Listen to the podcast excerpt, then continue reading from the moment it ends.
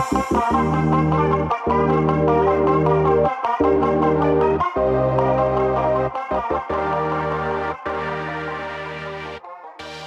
hey hey welcome to Hot Fantasy Podcast. За юу яцгаана бүгдээрээ бүх хотын тоглолтоо үзээд гоё амарч гоё байсан байх гэж бодож байна. Тэгээд өнгөрсөн 7 хоног бол тэр чигээрээ NBA-гийн бүх хотын тоглолтоор амьсгалсан ийм одоо нэг 7 хоног ус болж өнгөрлөө. Өнөөдрийг бас оролцуулаад энэ жил зохиогдож байгаа 2020 оны 69 дахь удаагийн бүх хотын тоглолт маань Illinois мужийн Чикаго хотод маш гоё болж өнгөрлөө. Энэхүү одоо бүх хотын тоглолтоор маш олон гой гой зүйлүүдийг харуулж чадсан. Дээрээс нь том хотод болж байгаа учраас тэр одоо сагсан бөмбөгийн одоо Мека гэдэг газар болж байгаа учраас өөрөө энэ одоо бүх хотын тоглолтыг бас тэр чинээгээр гой болгож чадсан. Тэгээд бүх хотын тоглолтыг ер нь нэг жоохон хураанголоод ярих юм бол за celebrity game жоохон эхлээд болсон. Тэгээд тэрэн дээр нэг том оддууд бол нэг ороогүй. Яг хуу Чикагогийн гаралтай Chance the Rapper хамгийн том од нь байх шиг байсан. Тэгээд Quavo байсан. Тэгээд нэг нөгөө илгэлдэг нэг залуу байсан те. Тэгээ өөр нэг том одууд нь харагдаагүй. Тэрний яг гол хайлайт мөч нь бол Стив Несмит шүүгчтэй хэрэлдэж техникийн алдаа авсан нас тэр тоглолтын хайлайт байсан баг. За тэгээд манай монголчууд бас нэх сонирхож үздэг. Бидний бас таньдаг одууд бас цөөхөн ийм одоо celebrity game болж өнгөрсөн. Тэгээд үүний дараа бол мэдээж Rising Stars Challenge болсон. Дэлхийн баг болон Америкийн баг гэдэг өрсөлдөөнийг үзүүлж чадсан. Тэгээд яг хуу тийм гоё болж чадаагүй ч гэсэн бас тийм онцгой бас болоогүй. Тэгээ цойлж гарч ирж байгаа одуудыг харлаа. Үнэхээр гой гой тоглолтуудыг тоглолтуудыг бас хийсэн нэг ийм Rising Star Challenge-с болж өнгөрлөө. Тэгээд MVP-гээр нь бол Charlotte Hornets багийн довтлогч Miles Bridges MVP нь олж залуу оддынхаа дунд гялалцсан байгаа. За тэгээд маргааш нь буюу хамгийн одоо гол бас оргил өдрүүдийн нэг хагасаа өдрийн үйл ажиллагаа болсон. Тэгээд хамгийн эхлээд Skills Challenge болсон. Skills Challenge яг өнгөрсөн жилийнхтэйгээ адилхан дүрмтэй байсан над тийм их таалагдаагүй. Ягаад гэх юм бол маш хурдан болоод өнгөрөөд байгаа ер нь бол. Харин хүмүүсийн нэлээд таамгийг эвдэж big man-ууд, том залуучууд маань бас маш сайн өрсөлдсөн байгаа. Тэгээд Майамигийн баймаа боёо төрүүлсэн. За тэгээ дараад нь бол мэдээж гурван шидэлтийн тэмцээн маш олон гой гой тоглогч нар, маш олон мундаг шидэгч нар орсон нэг ийм тэмцээн боллоо. Тэгээд тэдгээр шидэгчдийн дундаас тухайн өдөр хамгийн одоо шидэлтэй байсан нь бол бади хилд байла. Тэгээд бади хилд төрүүлсэн байгаа. Тэгээд энэ удаагийн 3 шийдэлт бас гоё болсон. Ер нь бол шин тэр дөрөв 3 оны шийдэл гэдэг тэр ногоон бөмбөг бол их гоё санагдсан. Ер нь энийг бас өргөжлүүлээд явхад бол буруудахгүй тажиг санаа байсан. За тэгээд дараад нь бол мэдээж бас оргил хүмүүсийн нэлээ хүлээсэн stand-up-ийн тэмцээн дөрвөн өний донд ус болж өнгөрсөн. Тэгээд Dwight Howard, Kobe-г дурсан тийм тоглолт хийсэн бол Pat Connaughton White Man Can't Jump гэдэг киноны ремейк маягийн зүйлийг бас хийсэн гоё тоглолтуудыг хийсэн. Тэгээд хамгийн гол нь бол мэдээж Дерек Джонс Жуниор болон Аарон Гордо хоёрын тулаан бол үнэхээр гоё болсон. Тэгээд нөгөө Левин Аарон Гордо хоёрынхоос хойш гарсан хамгийн гоё Слендак гэх тэмцээн болсон. Тэгээд маш олон хүн бас нэлээд тийм сэтгэл дундуур үлдэх шиг болсон. Ер нь бол шүүгчийн шийдвэрт Аарон Гордон төрүүлээг үед. Гэхдээ Дерек Джонс Жуниор бол өөр амар тогч байсан. Маш гоё харагдаж байсан. Тийм учраас нэг тийм буруу шийдвэр гэж хэлэхээсээ илүүтэйгээр Аран Гордон бас жоо азгүй тамирчин юм байна. Үнэхээр ийм хоёр мундаг тогштой бас цуг ороод тэгээд азгүй байдлаар хоёуланд нас авч чадсангүй. Тэгээд дараад нь бол орохгүй гэж хэлээ. Тэгэхээр бас Аран Гордны хувьд Слендагийн авраг гэдэг цолгүй магадгүй хамгийн мундаг дангчин болж иж магадгүй хаа. За тэгээд мэдээж хүм болно мэдж байгаачлан Дерек Джонс Жуниор мөн Майами Heat-ийн тамирчин төрүүлсэн байгаа. Тэгээд өчигдрийн буюу хагасааны хөтөлбөр бол үнэхээр гоё болж өнгөрсөн.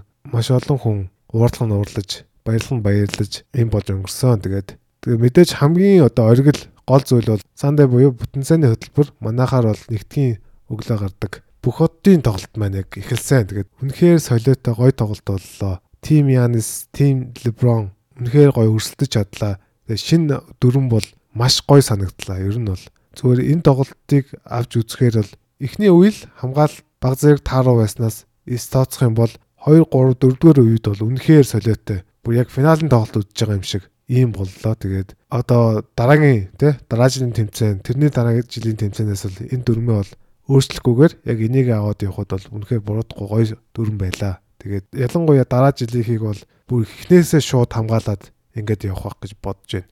Тийм учраас маш гоё тоглолт боллоо. Үнэхээр тийм нэг хайп өндөртэй байна. Яг одоо бол энэхүү тоглолтын эцэст мэдээж Team LeBron ялтаа байгуулсан байгаа. Эцсийн мөчөд Anthony Davis тургуулын шидэлтэд оруулснаар за тэгээд өнөөдрийн хамгийн одоо гол хүн бол мэдээж Kawhi Leonard, Fungi Man байлаа тэгээд үнэхээр 3-аас болон хамгаалтан дээр үнэхээр гой гой тоглолтуудыг хийж чадсан. Үнэхээр өнөөдөр бол үнэхээр шидэлттэй, үнэхээр сайн байлаа. Тэгэхээр MVP буюу одоо Kobe Bryant-ийн нэрмжит цомыг хамгийн анхны удаа Kawhi авч чадлаа. Тэгээд энэхүү 60 дахь удаагийн бүх хотын тоглолт үнэхээр гоё хайп өндөртэй, солиотой бүх хотын тоглолт болж чадлаа. Тэгээд дараа жилийн Indianapolis болох бүх хотын тоглолтоос энээс тутгааргүй гоё болоосаа гэж бодож байна. За тэгээд нэлээд олон юм ярьчлаа. Маш хайп өндөртэй байсан учраас үнэхээр гоё байна. За тэгээд шууд фантазигийнхаа подкаст руугаа орё.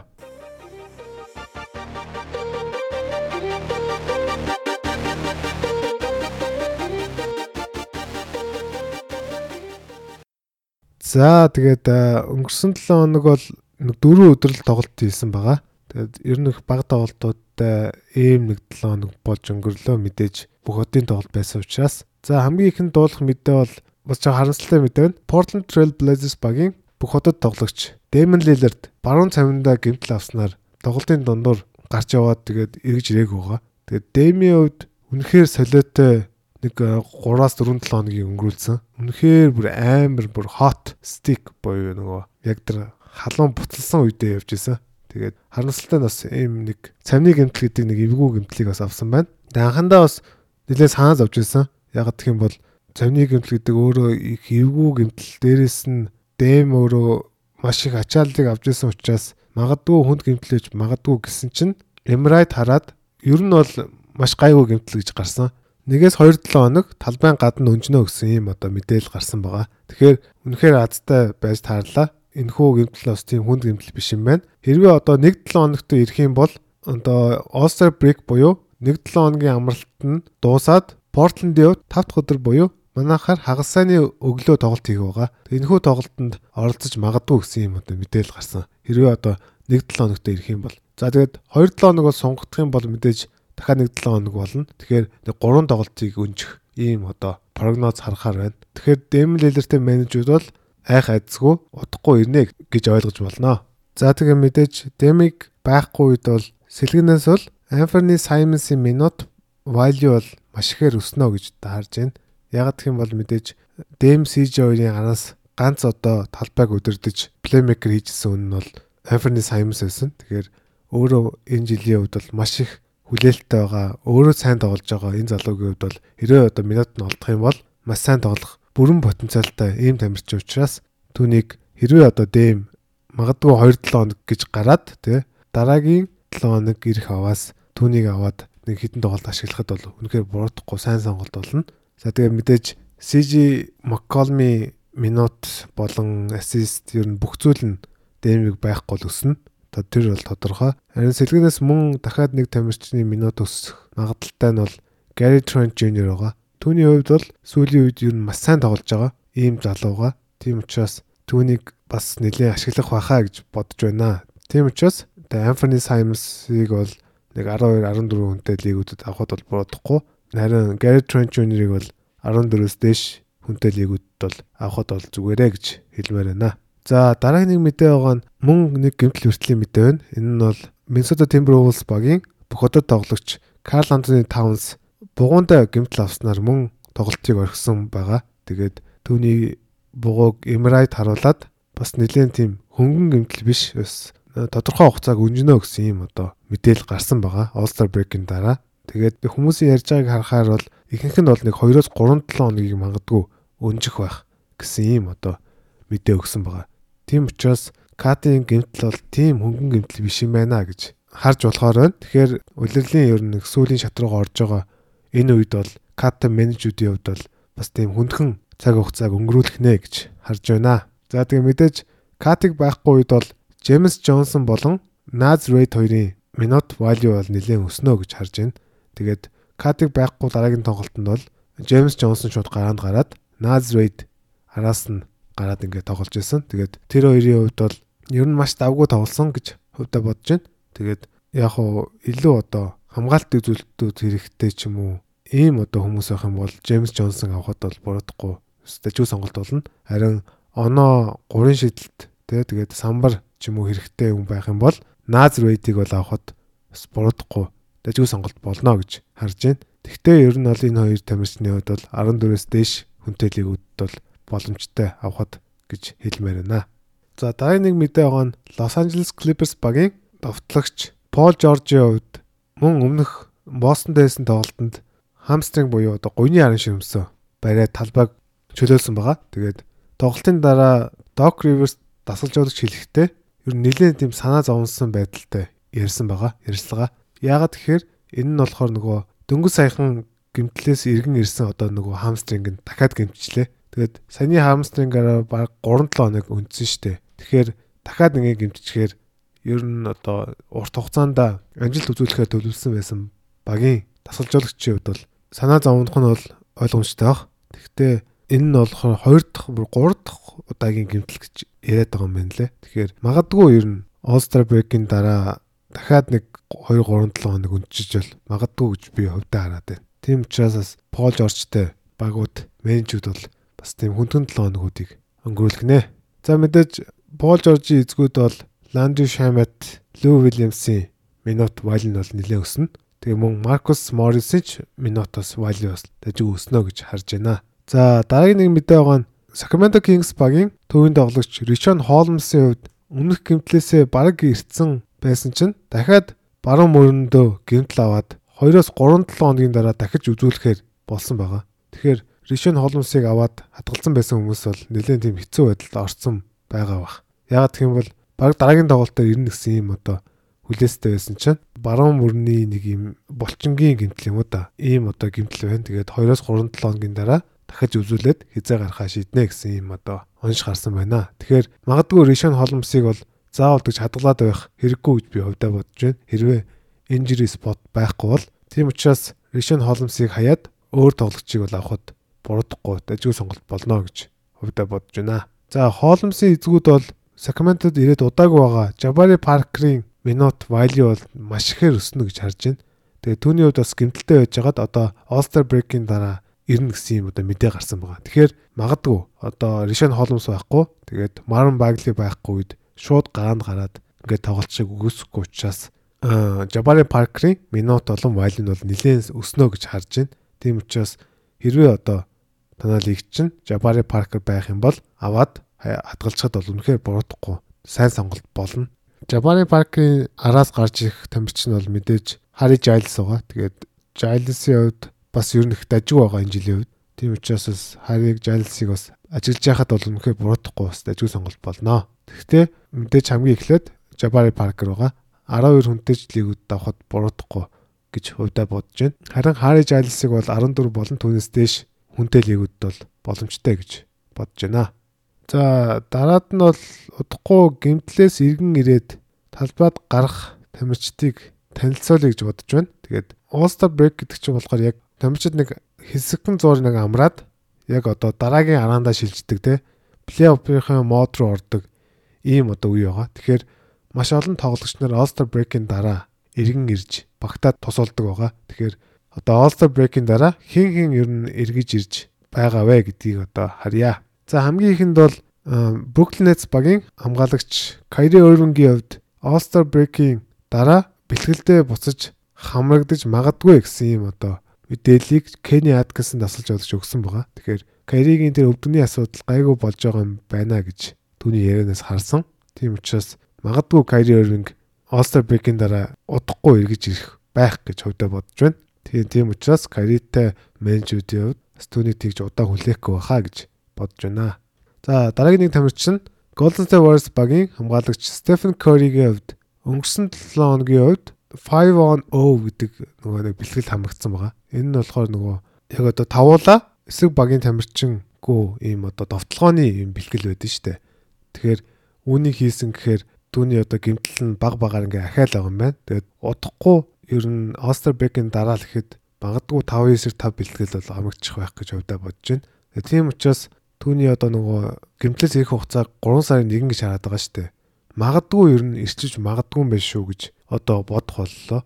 3 сарын 1 биш юма гэхэд бол өдрөл дуусахаас өмнө 3 сардаа бол ирчих байхаа гэж бодж байна. Тийм учраас хэрвээ Стефен Кори танай лигүүд чинь хог дээр чинь байх юм бол заавал аваад хадгалаад сташ хийхэд бол буруудахгүй. Та хэрвээ та плей-оффд орох нь тодорхой болцсон бол харин плей-оффын дарилт хийж байгаа бол ер нь хэцүү гэж хавдаа бодож байна. Эрүүл тоглогч нарыг аваад одоо урдах зүйлдээ анхаарал явуулсан бол дээрээ гэж хэлэх байна. За дараагийн нэг тамирч нь бол Portland Trail Blazers багийн төвийн тоглогч Юсуф Нуркичийн хувьд дуудахгүй өөр нь бэрлээс иргэн ирнэ гэсэн юм одоо мэдээ гарсан байгаа. Тэгээд тэр нь бол 3 сарын 10 гэдэг ийм одоо өдрийг зарим мэдээний сайтууд бол зооцсон байна. Тэгэхээр яг энэ өдрийг яагаад сонгосон бэ гэхийг сайн мэдэхгүй ч гэсэн ер нь 3 сарын 10 хавцаа ер нь ирж магадгүй гэсэн юм одоо хандлагатай байгаа юм байна лээ. Яагаад гэх юм бол мэдээж Портландын хувьд одоо 9 дугаар байранд байгаа. 8 дугаар байранд байгаа Memphis-с ер нь нэг дөрөв тоглолтын дутуу байгаа.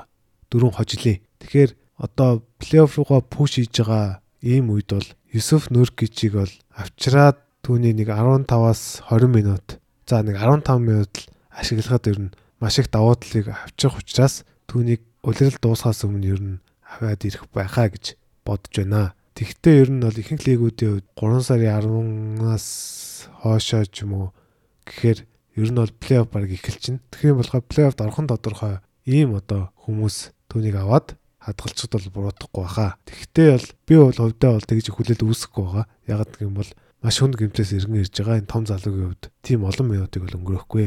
Whiteside бол маш сайн байгаа учраас. За дараад нь бол Bulls-ийн 3 тамирчин 3 сарын эхний 7 хоног ер нь ирнэ гэсэн юм одоо магадлал таамаглал байна. Энэ эдгээр нь бол мэдээж Otto Porter Jr, Lori Markkanen болон Chris Dunn гэж хараад байна. Тэгээд эдгээр гурван тамирчны хувьд ер нь 3 сарын эхний 7 хоног магадгүй ирчих баха. Ер нь бол Chris Dunn-ы хувьд бол нэлээд ойртсон байгаа.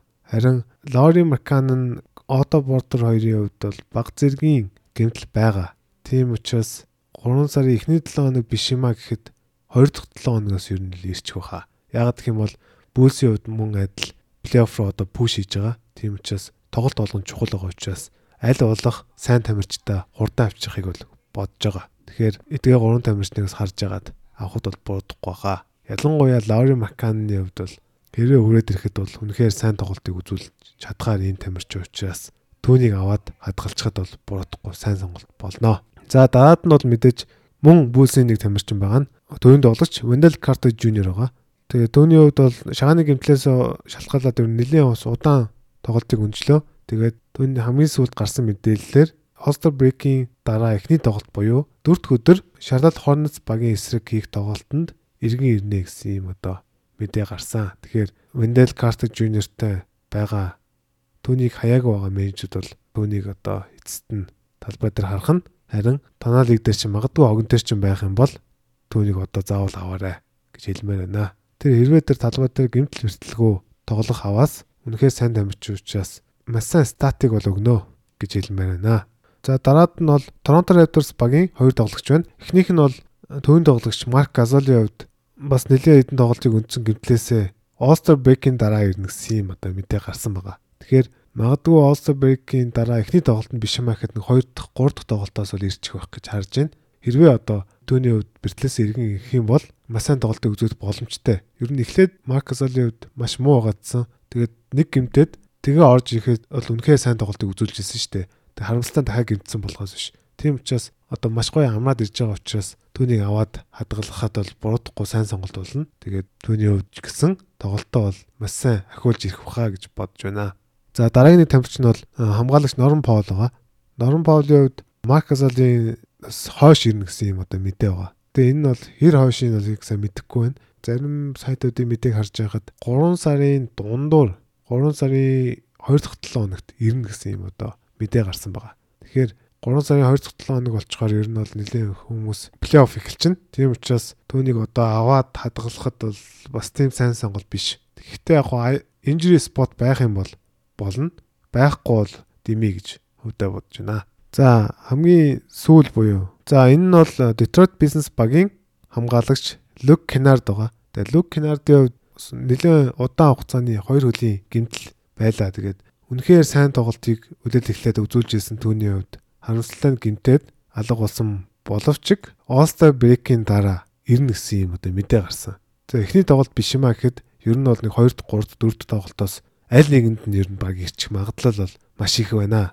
Тэгээ тийм учраас хэрвээ тэ 3 шидэлт оноо гих зэрэг үзүүлэлтүүд хэрэгтэй байх юм бол Люк Кенардыг одоо аваад хадгалаад тэгээд тоглоход бол үнэхээр сайн сонголт болно гэж удаа бодож байна. За тэгээд All-Star Break-ийн дараа ирэх тамирчдыг танилцууллаа. Тэгээд эдгээр тамирчдаас өөрөө бодож байгаад харж агаад авахыг аваад сонгоорой гэж хүсэх байна. Тийм учраас энэхүү одоо мэдээллийг бас нэлээд судалгаа хийж гаргасан учраас ер нь бас нэлээд тийм үнэн мөнтэй ер нь нэлээд өгөх баха гэж бодож байна. За тэгээд фэнтезигийн маань эхний хэсэг нэг иймэрдүү мэдээллийг бэлтгэлээ. Тэгээд хоёр дахь хэсэг буюу дараа 7 хоногийн фэнтези таамаглал руугаа шууд орё. За дараа 7 хоног буюу NBA-гийн 18 дахь 7 хоног эхлэхэд ер нь бэлэн болоод байна. Мэдээж дараа 7 хоног буюу энэ 7 хоногийн хувьд бол All-Star Break байгаа учраас хамгийн ихний тоглолт манай цагаар 5 дахь өдөр, Америкийн цагаар 4 дахь өдөр эхлэх юм хуваартай байгаа. Тийм учраас 4 5 дахь хагасаа бүтэнсэн гэд 4 өдөр л тоглолт хийх байгаа энэ 7 хоногийн хувьд. За тийм учраас 3 тоглолттой буюу хамгийн их тоглолттой ганцхан баг байна. Энэ нь бол Chicago Bulls байгаа юм байна. Тэгэхээр хэрвээ одоо Булсийн иргэн ирж байгаа ч юм уу аль эсвэл гэмтлэг байгаа тамирчдыг аваад энэ хүү 7 хоногт хүч үсэх юм бол нэлийн дажгүй үзүүлэлтүүдийг үзүүлэх магадлал бол их юм байна гэж харахаар байна. За тэгээд ихэнх багууд ер нь 2 тоглолттой байгаа. Лигийн 26 баг 2 тоглолттой байгаа юм байна.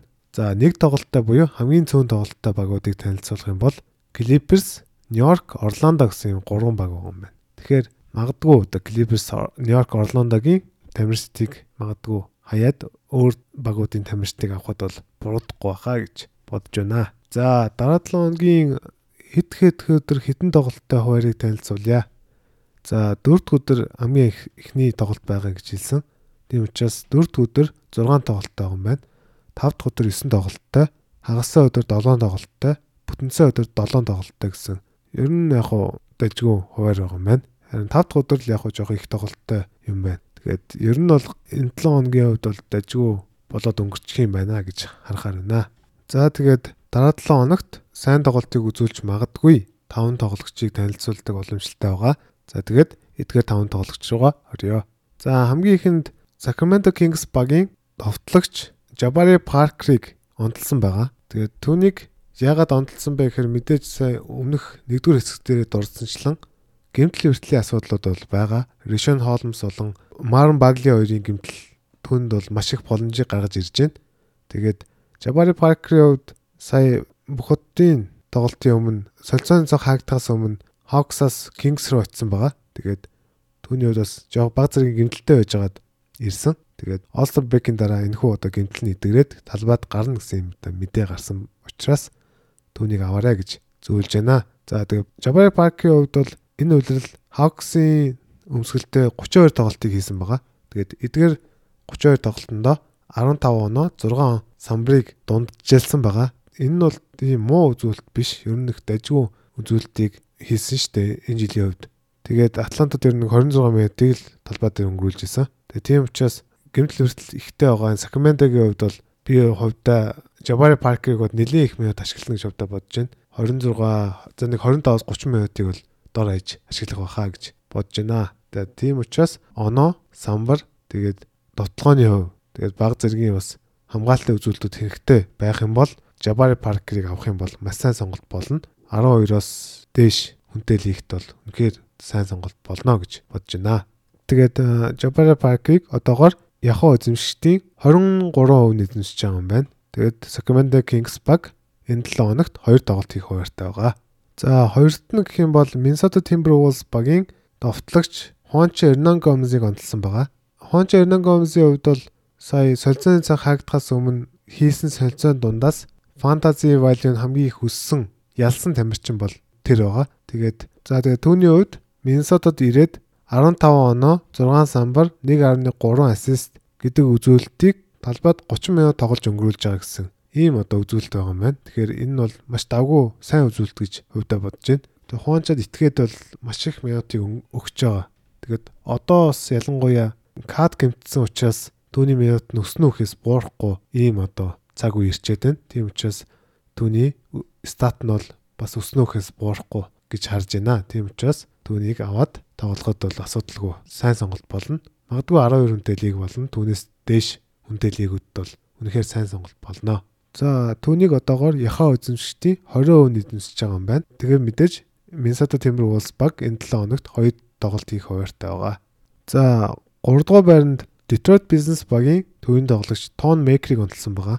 За одоогоор түүнийг яхаа эзэмшигчдийн 21% эзэмшиж байгаа юм байна. За тэгээ Tom Maker-ийн хувьд бол раунд явснаар бол Кристен Вудд бол хамгийн их боломж гарч исэн бол түүний дараа Ton Maker-т бол нэлээд их тоглох минут олдож байгаа. Тэгээд сүүлийн 1-7 хоногийн хугацаанд бол түүний үзүүлэлтийг харах юм бол 14 оноо 6 самбар 1.5 ассист 0.8 стил 1.5 блокийг 28 минутанд дундалж байгаа юм байна. Тэгэхээр энэ бол маш дажгүй сайн үзүүлэлт гэж харахаар байна. Тэгэхээр драмандыг явснаас хойш 25-аас 30 минутыг ер нь талбайд өнгөрүүлээд байгаа. Тийм учраас ер нь маш тийм консистент буюу одоо найдвартай байгаад байгаа учраас түүнийг авахд бол буруудахгүй сайн сонголт болно гэж хувьдаа бодож байна. Хэрвээ та төвийн тоглогч самбар хэрэгтэй, блок хэрэгтэй ч юм уу. Ийм одоо хүн бол түүнийг авахд бол буруудахгүй. Гэхдээ 14 ба түүнээс дээш хүнтэй лигт бол авахд бол сайн сонголт болно. За дараагийн буюу дөрөвдүгээр байранд Boston Celtics багийн төвийн тоглогч Даниэл Тайсыг онцлсан байгаа. За тэгээд түүнийг яагаад онцлсан бэ гэхээр мэдээж Boston Celtics баг солилцооны цонх хаагдахаас өмнө төвийн тоглож авч чадаагүй. Тийм учраас Роберт Вильямсны хувьд бас гэмтэлтэй байгаа. Тэгээд ер нь гэмтэлгүй байсан ч гэсэн Брэд Стивенс дасгалжуулагчийн хувьд бол Даниэл Тайсыг бол маш их ашиглаж байгаа. Ер нь бол их ашиглах дуртай байгаа. Тийм учраас түүнийг онцлсан байгаа. За тэгээд түүний хувьд бол одоогоор сүүлийн одоо 3 тоглолтонд 12 оноо 8.3 самбар 2 ассист 0.7 стил 0.7 блок гэсэн үзүүлэлтийг 28 минутанд дундсалж байгаа юм байна. За тэгээ мэдээж Даниэл Тайс гэдэг тамирчин бол маш их минутыг бол төвийн байрал дээр өнгөрүүлж байгаа. Тэгээд өөрөө ч их дажгүй сайн тоглолтыг үзүүлж байгаа учраас түүнийг бол маш ихээр ашиглаж байгаа. За тэгээ хэрвээ та оноо самбар блок хэрэгтэй гэж үзэх юм бол Даниэл Тайсыг аваад тоглоход бол асуудалгүй сайн үзүүлэлтүүдийг үзүүлнэ гэж харж байна. Тэгвэл түүнийг 14 ба түүнээс дээш хүнтэй лигүүдэд бол авахд бол сайн сонголт болно. Түүнийг одоогоор яхаа эзэмшигчдийн 39% эзэмшиж байгаа юм байна. За тэгээ мэдээж Boston Celtics багийн хувьд энэ 7 хоногт 2 тоглолтыг хийх хуваартай байгаа. За хамгийн сүүл буюу 5 дугаар байранд Cleveland Cavaliers багийн довтлогч Kevin Porter Jr-ыг онцлсан байгаа. Түүнийг одоогоор яхаа эзэмшдийн 10% эзэмшиж байгаа юм байна. За тэгээд түүний хувьд өвдөгний гэмтлээс иргэн ирээд маш сайн тоглолтыг үзүүлж байгаа. Түүнийг одоо гэмтлээс иргэн ирснээс хойш 15.3 оноо, 2.6 самбар, 2.1 ассист, 1.1 стил гэсэн үзүүлэлтийг 51.7%-тай довтлогооны хувьтаагаар үзүүлж байгаа юм байна. Тэгэхээр энэ бол маш сайн үзүүлэлт гэж хувьдаа бодож байна. Тэгээд мэдээж энэ одоо хоёр жавднаас бол маш сайн шийдэж байгаа шүү дээ түүний хувьд. Тэгэхээр одоо Cavs-ийн хувьд бол All-Star break-ийн дараа бол ер нь бол тэгээд хаяад залуучуудаа хөгжүүлэх байх гэж хувьдаа бодож байна. Тэгээд сая дөнгөж сая гарсан мэдээлэлээр бол багийн дасгалжуулагч John Byline-ийн хувьд бол All-Star break-ийн дараа ер нь ажлаа хүлээлгэж өгөх магадлал бол маш их байна гэж Адриан Вожнаровский жиргсэн байна лээ. Тэгэхээр магадгүй одоо өөр дасгалжуулагч ирээд залуучуудаа хөгжүүлэх гэж дайрч магадгүй. Тэгээд тэрний хамгийн гол нэг жишээ бол одоо Кен Портер Жуниор гэж харж байгаа. Тэгээд хэрвээ түүнд одоо хангалттай минутыг нөгж чадах юм бол маш сайн тоглолтыг үзүүлж сайн статул үзүүлэх магадлал бол маш их гэж одоо бодож байна. Тийм учраас Кен Портер Жуниорыг бол авахд бол харамсахгүй сайн сонголт болно үлэлийн сүүл рүү гэж бодож байна. За тэгээд энэ 7 хоногийн хувьд бол мэдээж Cleveland Cavaliers багийн хувьд хоёр тоглолтын хуваартай байгаа. Тэгэхээр энэ 7 хоног гэлтгүү дараа дараагийн 7 хоногудад бол Cam Porter Jr бол consistent тоглолтыг үзүүлэх магадлал өндөрөө. За тэгээд дараа 7 хоногийн fantasy таамаглал нэг иймэрд байла. Тэгээд одоо 17 дугаар 7 хоног дуусаад 18 дугаар 7 хоног эхэлж байна. Тийм учраас фантазигийн хувьд бол одоо нэг улирал дуусахад бол нэг 4-7 хоног үлдээд байна. Тэгээд плей-офф дуусахад бол нэг 8-7 хоног үлдээд байна. Тэгээд тийм учраас одоо маш хамгийн гол чухал үе шат руу орж байна фэнтези. Тийм учраас маш сайн улирлаа дуусгаад аль болох дээгүүр плей-офф орох юм бол танд ашигтай байгаа. Тийм учраас маш их цагийг фэнтезидээ өнгөрүүлж ямар нэ ашигтай вэ гэдгийг өөрөө сайн тунгааж агаад шийдвэр гаргах юм бол ер нь бол дэжгүй тоглож байхаа гэж хувьдаа бодож байна. За тэгээд мэдээж энэ 7 хоногийн хувьд нэг иймэрдүү байла. За тэгээд мэдээж одоо фэнтези тоглолдог, NBA сонирхдаг найзууд руугаа миний нөхөө подкастыг минь шеэрлээрэй. Тэгээд хэрвээ та сонсож байгаа платформ дээр чинь үнэлгээ өгдөг зэс байх юм бол тэгээд сайн үнэлгээ өгж туслаарай. За тэгээд дараа 7 хоногийнхоо дугаараар уулзтлаа. Баяр таа.